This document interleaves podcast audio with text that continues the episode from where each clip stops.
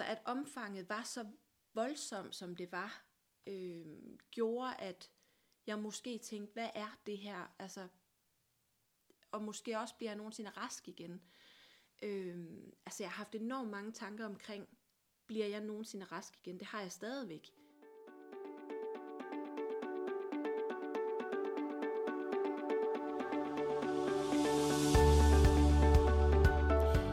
Ikke værre end en omgang influenza, lidt feber, ondt i halsen og lidt snot i næsen. En uges tid i sofahjørnet og så tilbage til hverdagen. Eller en alvorlig sygdom, hvor du risikerer at miste selv basale færdigheder. Corona har mange navne og mange ansigter. I løbet af de seneste knap to år har vi lært mange af ansigterne at kende, når vi enten selv har været smittet, eller når naboen, kollegaen eller klassekammeraten har. I dag har omkring hver fjerde dansker nu været smittet med coronavirus. For nogen, heldigvis langt de fleste, er en omgang med corona hurtigt overstået. For andre sætter sygdommen dybe spor og trækker tænder ud i lang tid. I alt er 236 patienter fra Horsens Kommune blevet registreret med senfølger efter smitte med corona på senfølgeklinikken på Aarhus Universitetshospital i Skyby, siden sundhedsmyndighederne begyndte at registrere senfølgeramte i slutningen af 2020. En af dem er 43-årige Maria Brun Fanø fra Satrup. I julen 2020 blev hun syg med corona. Det samme gjorde hendes mand og deres 14-årige datter. De blev syge, men var raske igen efter nogle dage med feber, hovedpine og snot. Så heldig var Maria ikke.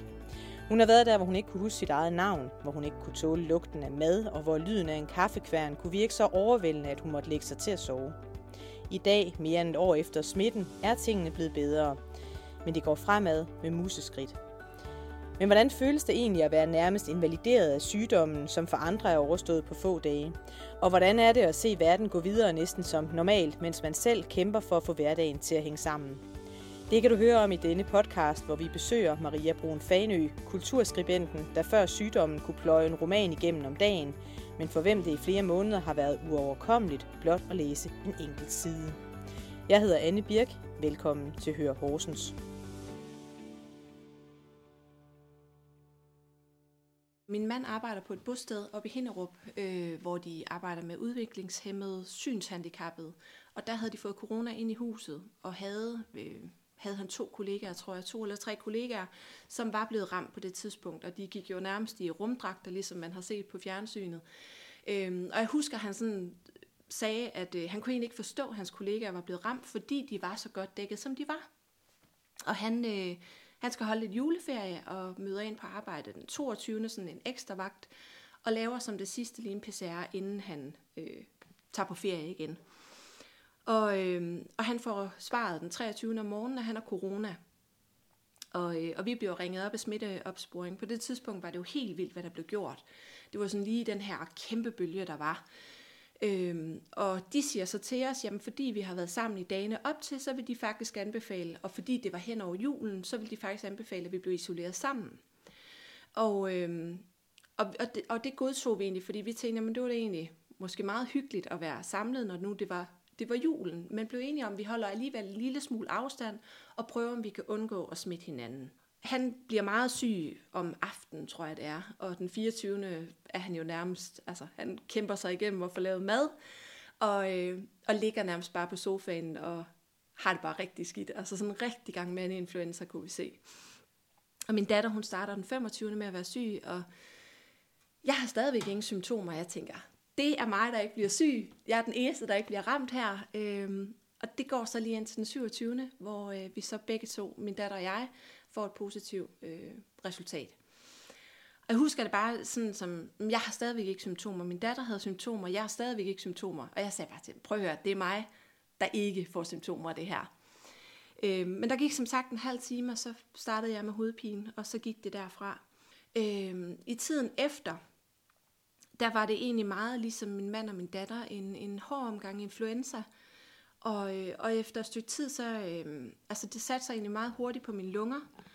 Og jeg tror, var jeg fem eller seks dage henne, så øh, ringede jeg faktisk til, øh, hvad hedder det, det hedder en vagtlæge, og sagde, at øh, jeg har de her, jeg har faktisk svært ved at trække vejret. Og hun siger til mig i telefonen, jamen når jeg kan tale med dig, så er det ikke slemt nok til, at vi kan indlægge dig. Og så er jeg sådan, okay, jamen, så er det nok fint nok.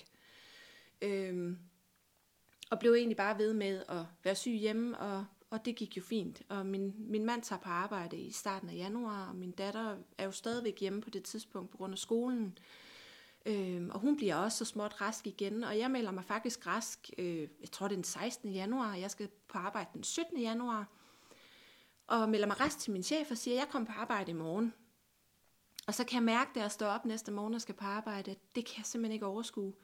At min hjerne, den ligesom, øh, den er bare frosset på en eller anden måde. Og skriver til min chef igen og siger, prøv at høre, jeg, jeg kommer ikke. Der er et eller andet her, der ikke fungerer. Og derfra går det faktisk bare rigtig stærkt. Pludselig så fungerer min hjerne ikke mere. Og, øhm, og der er bare ikke noget, der fungerer faktisk overhovedet i hele min krop. Jeg har, jeg har været ekstremt svimmel Altså det har været sådan noget med, at jeg har måttet gå med min datter foran mig, og sådan tage hende på skuldrene for at overhovedet kunne gå ud i køkkenet. Øhm, jeg har haft en ekstrem voldsom hudpine. Øh, jeg kan ikke tåle lys. Altså jeg har simpelthen ligget med, med sokker og tørklæder og jeg ved ikke hvad over øjnene, fordi jeg ikke har kunnet tåle lys. Og pludselig kan jeg heller ikke tåle lyd.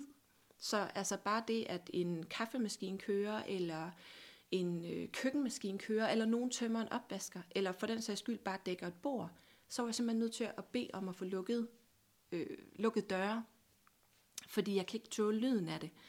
Oven i det kommer der så det her med, at jeg altså mister et overblik, øh, og jeg husker ikke ting. Så det er bare sådan, øh, det er simpelthen hjernen, der ikke fungerer. Jeg begynder at få problemer med synet. Øh, jeg læser jo meget i, i form af mit arbejde, Øh, og det er jo noget af det, jeg elsker allermest i hele verden. Og pludselig så står siderne sådan skæve. Jeg kan simpelthen ikke læse siderne.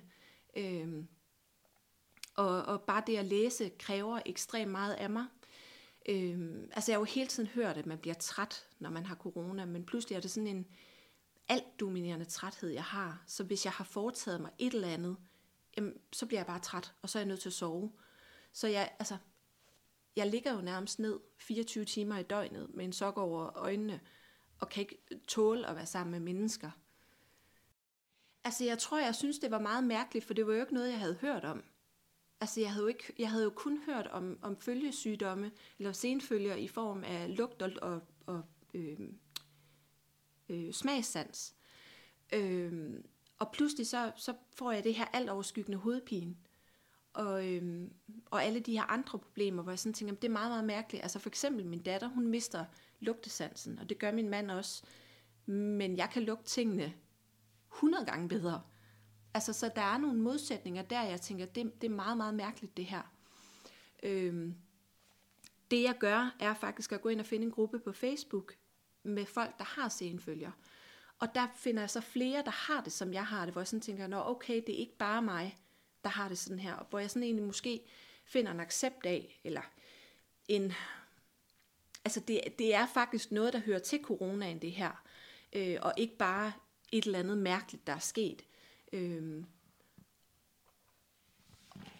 Hvornår er det, at det så måske går op for dig, at, øh, at du ikke sådan lige bliver rask, øh, lige med det første igen? Mm, Åh, det er svært at sige. Jeg tror faktisk stadigvæk ikke helt, jeg har indset det. Øh, jeg var på sygehuset. Jeg læste jo egentlig på det tidspunkt om, en, altså om de her infektionsklinikker, der var lavet. Og da jeg bliver syg, bliver der faktisk på samme tidspunkt lavet en i Aarhus og på Skyby. Øhm, og jeg tager egentlig rimelig hurtigt fat i min læge og siger, er det noget, altså kan jeg komme derop? Og der er jo et interval, og jeg mener på det tidspunkt, det hed 12 uger som man skulle have overstået. Og da de 12 uger var gået, blev jeg faktisk henvist op til. Øhm, og der tror jeg, det sådan gik op for mig, okay, det her, det går ikke bare lige over. Og jeg tror også, det her, altså at omfanget var så voldsomt, som det var, øhm, gjorde, at jeg måske tænkte, hvad er det her? Altså, og måske også bliver jeg nogensinde rask igen. Øh, altså, jeg har haft enormt mange tanker omkring, bliver jeg nogensinde rask igen? Det har jeg stadigvæk. Fordi jeg kan jo godt se, at jeg har rykket mig på det år, der er gået, men, men bare ikke ret meget i forhold til normale mennesker. Øh, I forhold til mig selv, jo, så har jeg rykket vildt langt, men ikke i forhold til normale mennesker. Der er jeg stadigvæk enormt øh, hæmmet. Øh, så det er der stadigvæk noget, jeg tænker over, at altså, hvor, hvor langt er der endnu? Øh, og jeg tror, da jeg var på Skyby første gang, der gik det sådan rigtig op for mig, at det her det blev noget, der kom til at tage rigtig lang tid. Dels på grund af de undersøgelser, jeg skulle igennem. Dels på grund af, at jeg blev sat i genoptræningsforløb. Øh, jeg blev lynhurtigt sat i genoptræningsforløb med en ergoterapeut, som kom og skulle hjælpe på hele hjernedelen. Og så blev jeg sat i genoptræningsforløb med en fysioterapeut, som skulle hjælpe mig på lungedelen.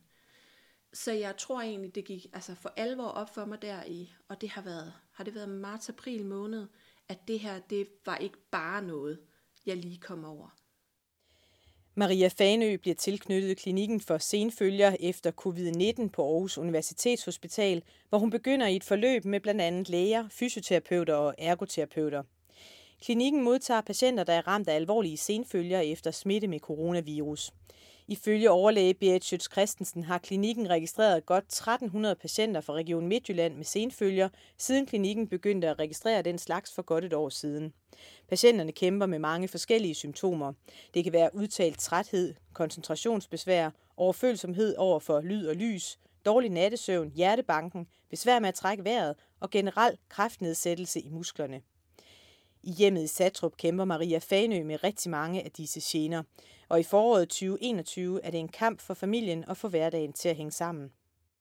Da det var aller, aller værst, der var jeg ikke noget for nogen.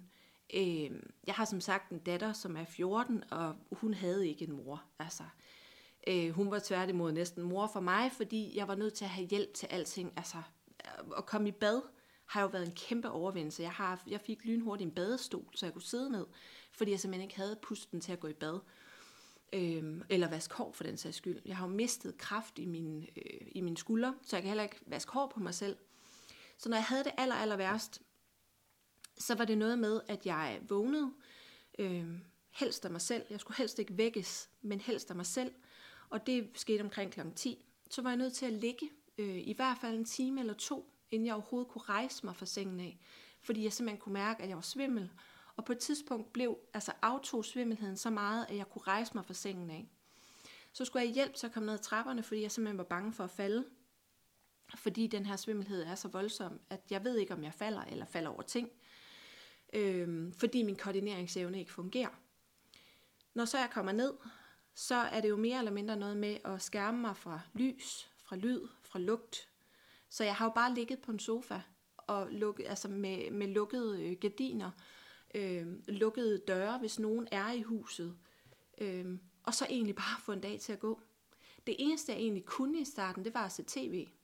Jeg har, ikke, øh, jeg har nærmest ikke hørt musik i et år fordi lyden af musik øh, sætter sig i hele den ene side af mit ansigt, så jeg føler mig lam i hele den ene side af ansigtet. Øh, og så kan jeg ikke, jeg kan ikke kombinere musik. Det lyder lidt tåbeligt for folk, der ikke har oplevet det, men musik, når man hører et stykke musik, så er det et stykke musik, man hører. Men jeg hører pludselig en tromme, øh, en der synger, øh, en bas, en øh, guitar. Altså jeg hører pludselig alle instrumenterne, og jeg kan ikke sætte det sammen. Så det at høre et stykke musik blev pludselig øh, ekstremt voldsomt. Altså dels gav det hovedpine, og jeg var nødt til at slukke for det med det samme, fordi jeg blev dårlig af det. Altså jeg får kvalme, får hovedpine, øh, jeg bliver svimmel, jeg føler mig lam i den ene side af ansigtet. Og så hele den her, at, at det lyd. Det tror jeg egentlig var, var, var sådan, det var, da det var værst. Altså det var faktisk bare en kamp for at komme igennem en dag. Og sige, okay, det var en dag, der var gået så tager vi den næste. og hvad med det her med at læse? Altså nu fortalte du før, at du altså, har altid læst meget, og det er jo også en del af både dit job og din hobby, tænker jeg. Hvad, hvad, hvor, hvor var øh, bøgerne henne i den her periode? Øh, åh, nu bliver jeg sådan helt lidt rørt. Øhm, jeg trækker lige vejret. øhm, Skal vi prøve noget andet? Nej, jeg kan godt. Jeg kan godt. Jeg skal bare lige trække vejret. Øhm, det er fordi bøger, de betyder så meget for mig jo. I starten, øhm, der forsøgte jeg at læse. Og det, øh, det gik også i et vis omfang, indtil det ikke gjorde mere. Og så fik jeg hovedpine og blev dårlig og måtte ligge mig. Og da jeg kom til Skyby og snakkede øh, med kloge mennesker derop, så siger de til mig, at jeg ikke må læse mere. Fordi at det er så hårdt for hjernen. Alt, hvad der kan give hjernen arbejde, skulle jeg stoppe med. Jeg havde jo godt selv opdaget, at læsning krævede enormt meget, så jeg forsøgte at holde det på, på et lavt blus, øhm, og havde ikke helt fornemmet, at det her med, at nu får jeg hovedpine, nu skal jeg stoppe. Men fortsat bare alligevel, fordi der var jo kun lige 30 sider tilbage i bogen. Så jeg blev faktisk sat til, at øh, jeg måtte læse tre minutter om dagen, og det var det. Og så måtte jeg læse børnebøger, billedbøger. øhm, jeg fik jo mere eller mindre frataget det, jeg holdt allermest af i mit liv. Altså ud over min familie selvfølgelig. Men det, som jeg fyldte min dag med, det blev taget fra mig. Og det var, øhm, det var måske også, altså hovedet på sømmet, at det her, det bare ikke var for sjovt. I dag kan jeg heldigvis læse mere. Jeg har trænet min hjerne. Det er, altså, jeg har jo næsten gjort, som små børn gør, øh, når de skal lære at læse. Øh, hvor jeg har læst tre minutter, og så er det gået fint, og så har jeg prøvet at sætte det op til fire minutter, og når det så går fint, så kan jeg sætte det op til 5 minutter. Øhm, så jeg kan læse, og på en god dag kan jeg læse fire sider, hvor jeg normalt kan læse en bog. Men jeg er også nødt til rigtig mange dage at sige, i dag læser jeg ikke, fordi i dag sidder jeg for eksempel her, så ved jeg godt, så er der ikke læsning til mig i dag. Så det, jeg normalt har brugt bøgerne til, at være min, hvad skal man sige, min flugt fra hverdagen, eller det, som jeg elsker, eller som jeg holdt af at gøre, det blev taget væk. Og, og, og det prøver jeg at finde igen nu, og komme tilbage til, øhm, for at give også noget glæde tilbage i mit liv.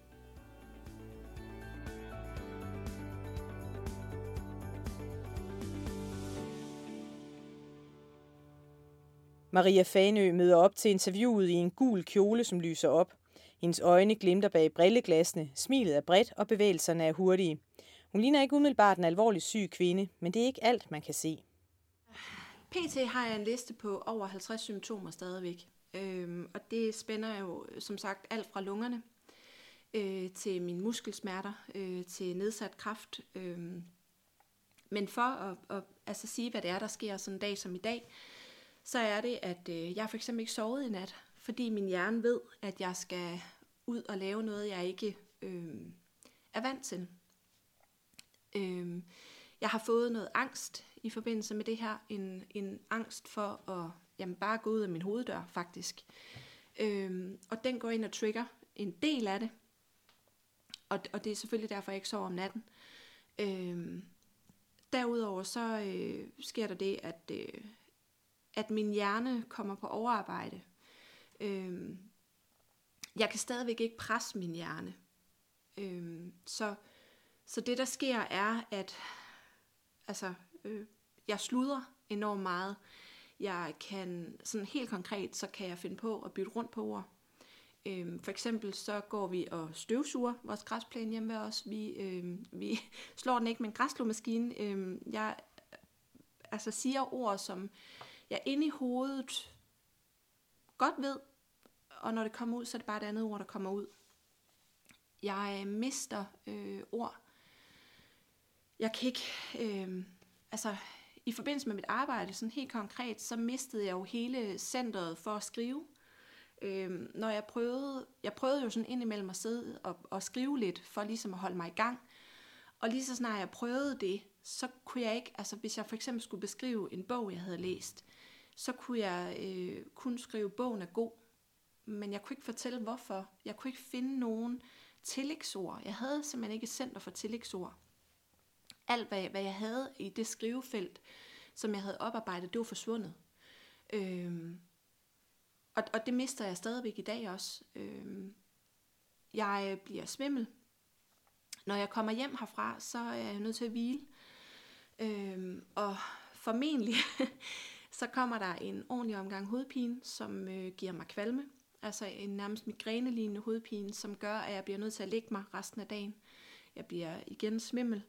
Øhm, og så kører alting, altså, øh, og, og er nødt til igen at skærme mig for lyd, for lys, øh, lugte. Det er ligesom om, at når hjernen er på overarbejde, så træder det ekstra frem. Øh, jeg har faktisk i forbindelse med det her, og med at jeg skal starte arbejde lige om lidt, øh, Øhm, fået bevillet høreapparater, som går ind og kan lave noget regnstøj. Det er det eneste, jeg ligesom har fundet ud af, der fungerer for mig. Det er at høre på regn, fordi det dulmer øh, hjernen, og det dulmer øh, smerterne i ørerne. Jeg får simpelthen fysisk smerte i ørerne, når hjernen går, altså, går helt bananas. Øh, det der også sker, det er, at i dagene herefter, der har jeg det på samme måde. Jeg ved aldrig, om det er bare en enkelt dag, eller om det er flere dage. Øh, så jeg kommer til at ligge hjemme de næste mange dage, og, og det er jo lidt den nu siger du selv, at det er en usynlig sygdom, og det er det jo. Folk kan jo ikke se det på mig, og de ser jo tit ikke, øh, hvad det er, der sker i dagene efter heller. Øh, det er jo kun min nærmeste familie, der mærker det. Øh, så når folk er så søde og skrive spørger, kommer du ikke og drikker kaffe, eller hvad det nu kunne være, jamen, jeg vil så gerne, men jeg kan ikke, fordi regningen er tit for stor til at kunne gøre det efterfølgende. Øh, så det har været enormt svært i hele det her forløb, og at skulle hele tiden konsekvensberegne, hvad, hvad får det af konsekvenser at gøre de her ting. Jeg var til genoptræning i går, så rent faktisk burde jeg ikke have planer i dag, men jeg synes bare, det er vigtigt at fortælle, at, at det her er ikke bare influenza. Altså, der er rent faktisk nogen, som, som bliver ramt hårdt af det her corona. Øhm, så derfor har jeg valgt at sige, at den regning må så koste ekstra. Fra tirsdag den 1. februar er det slut med stort set alle coronarestriktioner. Danmark er på vej tilbage til normalitet, og statsminister Mette Frederiksen lovede på et pressemøde onsdag aften, at danskerne kan se frem til en sommer med festivaler, koncerter og kram. Det er en melding, der vækker glæde mange steder i samfundet, men genåbningsplanerne giver også anledning til bekymring hos Maria Fanø, som er bekymret over, at sygdommens alvor nu igen nedtones. Altså jeg vil sige med det samme, jeg er med på, at vi står et helt andet sted nu med vaccinerne end vi gjorde for et år siden. Men der er stadigvæk nogen, der ikke er vaccineret, og der er stadigvæk nogen, der vælger at ikke blive vaccineret. Øhm, og jeg synes, jeg har været enormt frustreret over, at man hele tiden vælger at sige, det er milde forløb, eller også så bliver man indlagt med, med lungeproblemer, eller også så er det smags- og lugtesansen. Altså vi hører aldrig om folk som mig. Det er meget, meget sjældent, der har været noget, om folk som mig, hvor hele hjernen står af, og vi er faktisk rigtig, rigtig mange, der er ramt af både altså den her invaliderende træthed, øhm, som man aldrig ved, om man kan komme over igen, og hjernen, der simpelthen ikke fungerer. Altså vi er jo, det er jo ikke kun mig, der er ramt sådan her. Jeg, jeg gik ind øh, kort tid efter på Facebook og fandt den her senfølgegruppe, hvor jeg kan se, at vi er rigtig mange, der er ramt på hjernen øh, og, og af trætheden jeg synes, der mangler noget fokus på nogle vigtige områder. Jeg er til gengæld enormt taknemmelig for, at infektionsklinikkerne tager os ekstremt seriøst. Og jeg er aldrig nogensinde blevet taget så seriøst, som jeg gør, altså er blevet i det her forløb, og, og hurra for infektionsklinikkerne. Men der bliver ikke rigtig hørt noget om det. Altså, det er hele tiden lugt, smag eller lungerne.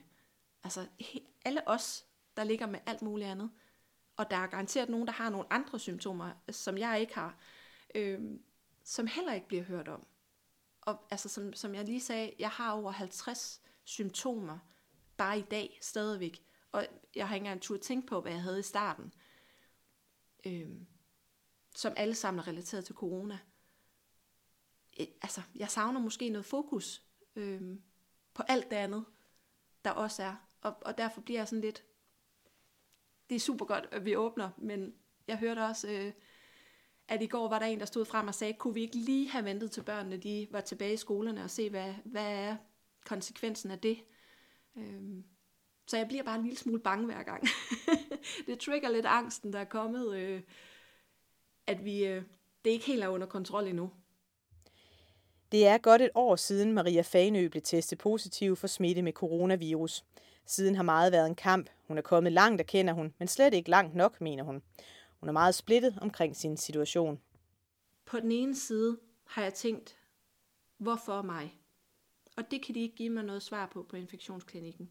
Jeg passer ikke ind i noget mønster. Tværtimod, så øh, går jeg uden for det mønster, som de troede, de havde regnet ud.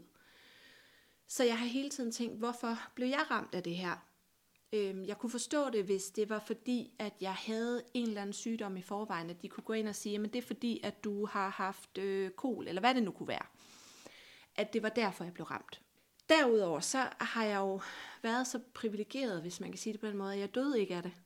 Og det har været enormt konfliktfyldt for mig at have den her uretfærdighed på den ene side, øh, af hvorfor jeg er blevet ramt, men på den anden side har skulle være taknemmelig for, at jeg ikke døde. Så, så det har været enormt konfliktfyldt på en eller anden måde. Øh, og, og skulle finde ud af, hvorfor bliver jeg ramt som 43-årig. Altså, jeg har mistet et år af mit liv, og jeg er slet ikke i mål endnu. Altså, jeg er kommet dertil, hvor jeg skal starte arbejde nu, og jeg skal starte på en team, som jeg måske kan, og måske ikke kan. Altså, jeg ved det dybest set ikke, og vi ved jo heller ikke noget om, om altså, mit arbejde er jo, der skal jeg bruge min hjerne, og vi ved jo heller ikke, om jeg tager yderligere skade af at starte arbejde. Men det er der, jeg er nu efter et år, og jeg er 43 år. Altså, jeg har ikke fundet accepten af det her endnu. Og det kæmper jeg da, altså det kæmper jeg da hele tiden med, at skulle finde accepten af, at det her er mit nye jeg. Jeg kan huske, min ergoterapeut siger til mig på et tidspunkt, at jeg måske skulle begynde at acceptere, at det her var mit nye jeg. Men det kan jeg ikke. Det her er ikke, lidt brutalt sagt, det er ikke et liv at leve og skulle undvære så mange ting i min hverdag. Selvfølgelig, hvis det hertil jeg kommer ikke længere, så, så skal jeg nå en accept. Men jeg tror også, hvis jeg vælger at sige, det er her jeg ender, så tror jeg heller ikke, jeg kommer til at bevæge mig fremad.